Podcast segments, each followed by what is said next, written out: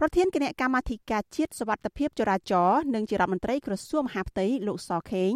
ណែនាំឲ្យមន្ត្រីនគរបាលនិងអាជ្ញាធរបន្តរឹតបន្តឹងការអនុវត្តច្បាប់ចរាចរណ៍និងខិតខំរកវិធីសាស្ត្រកាត់បន្ថយគ្រោះថ្នាក់ចរាចរណ៍ឲ្យចំនួនអ្នកស្លាប់និងរបួសកាន់តែថយចុះបន្តទៀតលោកសខេងលើកឡើងទៀតថាគ្រោះថ្នាក់ចរាចរណ៍ត្រូវបានកាត់បន្ថយគួរឲ្យកត់សម្គាល់នៅក្នុងឆ្នាំ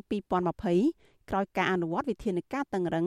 និងការផាកពិន័យធ្ងន់ធ្ងរ នេះសូមឲ្យសិក្សាបញ្ហានឹងឬមួយក៏ភាគរយតាមលំដាប់លំដោយនៃភាគរយគ្រោះថ្នាក់ឧទាហរណ៍ថាឥឡូវភាគរយនៃគ្រោះថ្នាក់ភាគរយណាដែលខ្ពស់ជាងគេត្រូវយកមកគិតថាត្រូវដោះស្រាយយ៉ាងម៉េចនឹងវិធានការរបស់យើងបន្តមានប៉ុណ្ណឹងអត់មានអីច្រើនទេឧទាហរណ៍ថាឥឡូវបើកបរមិនប្រកាន់ស្នាមប្រមាណភាគរយថា60%មិនប្រកាន់ស្នាមដូច្នេះត្រូវតែយក60%ហ្នឹងមូលហេតុ60%នៃការបើកបរឲ្យបណ្ដាគ្រោះថ្នាក់ហ្នឹងយកមកដោះស្រាយតាមខេត្តរាជធានីក៏ដូចគ្នាចឹងដែរយកហ្នឹងធ្វើការវិភាគឲ្យជំនាញទៅការវិភាគ លោកលើកឡើងបែបនេះនៅក្នុងទិវាអន្តរជាតិរំលឹកដល់ជនរងគ្រោះដោយគ្រោះថ្នាក់ចរាចរណ៍ផ្លូវគោកលើកទី15នៅថ្ងៃទី2ខែកុម្ភៈនៅខេត្តកណ្ដាល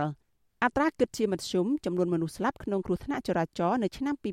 2020គឺពី4ទៅ5នាក់ក្នុងមួយថ្ងៃអ្នករងរបួសជាមធ្យមជាង10នាក់ទោះបីជាយ៉ាងណាក៏ដោយអ្នករកស៊ីរថម៉ូតូសណ្ដោងរមាក់ម្នាក់លោកបញ្យល់ស្របនឹងការលើកឡើងរបស់លោកសខេងឡើយអ្នករថម៉ូតូសណ្ដោងរមាក់ម្នាក់នៅភ្នំពេញលោកប៉ោងពឿន សង្កេតឃើញថាការរឹតបន្តឹងច្បាប់ចរាចរណ៍ច្រើនខែមកនេះមិនបានធ្វើឲ្យគ្រោះថ្នាក់ចរាចរណ៍ថយចុះទេព្រោះអ្នកបើកបរប្រុងប្រយ័ត្នតែនៅត្រង់ចំណុចដែលមានសមត្ថកិច្ចត្រួតពិនិត្យតែប៉ុណ្ណោះលោកអះអាងថាគ្រោះថ្នាក់ចរាចរណ៍នៅតែកើតឡើងច្រើនដដែល។ មានទេទស្សនៈចរាចរណ៍ចង់ច្រើនជាងមុនមកតែតែគេគេដាក់វាដាក់តែពេលដែលនេះហ្នឹងតែតែពេលដែលធ្វើរិនតឹងតាណាបន្តិចទៅវារិនតែកន្លែងនោះកន្លែងអត់រឹងតឹងឯនៅក្នុងរយៈពេលនេះហ្នឹងគឺគ្រោះថ្នាក់ចរាចរណ៍ឥឡូវវាចង់ច្រើនជាងមុនទៀតណាអ្នកជំនាញផ្នែកសវត្ថិភាពចរាចរណ៍ផ្លូវគោកលោកគង់រតនៈសង្កេតឃើញថាការរឹតបន្តឹងច្បាប់ចរាចរណ៍នៅក្នុងឆ្នាំ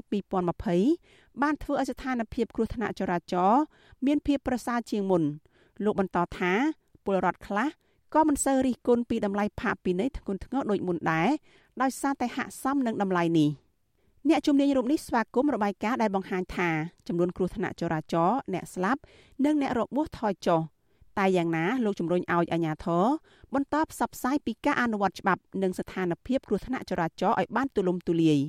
លោកក៏ស្នើសុំឲ្យនគរបាលអនុវត្តច្បាប់ចរាចរណ៍នេះឲ្យស្មើភាពគ្នាដែរ។ អ្នកដែលចូលចិត្តមើលការងារខាងហ្នឹងគឺថាខ្ញុំលើកទឹកចិត្តឲ្យគាត់បន្តការងារនឹងបន្ថែមទៀតហើយជំរុញឲ្យប្រជាពលរដ្ឋដូចគ្នាដែរពីព្រោះយើងមានសិទ្ធិស្មើគ្នាអញ្ចឹងយើងអាចទីការឬក៏អីចឹងទៅជៀសវាងការបន្ទុះដាក់គ្នានៅក្នុងភាពអសិលធម៌ជាដើមអញ្ចឹងយើងចង់ឲ្យមានការជជែកគ្នាចង់ឲ្យការរិះគន់ទេទានអីទាំងអស់គ្នាហ្នឹងគឺធ្វើឲ្យមានតម្លាភាពក្នុងសង្គមយើងឲ្យបានប្រសើរជាងនឹងទៀតរបាយការណ៍របស់គណៈកម្មាធិការជាតិសវត្ថិភាពចរាចរណ៍បង្ហាញថា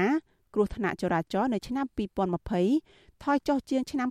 2019ជិត1000លើកចំណែកអ្នកស្លាប់ដោយគ្រោះថ្នាក់ចរាចរណ៍ក៏ថយចុះជាង300នាក់ដែរឯអ្នករបួសបានថយចុះជាង1000នាក់នាងខ្ញុំសុជីវីអាស៊ីសេរី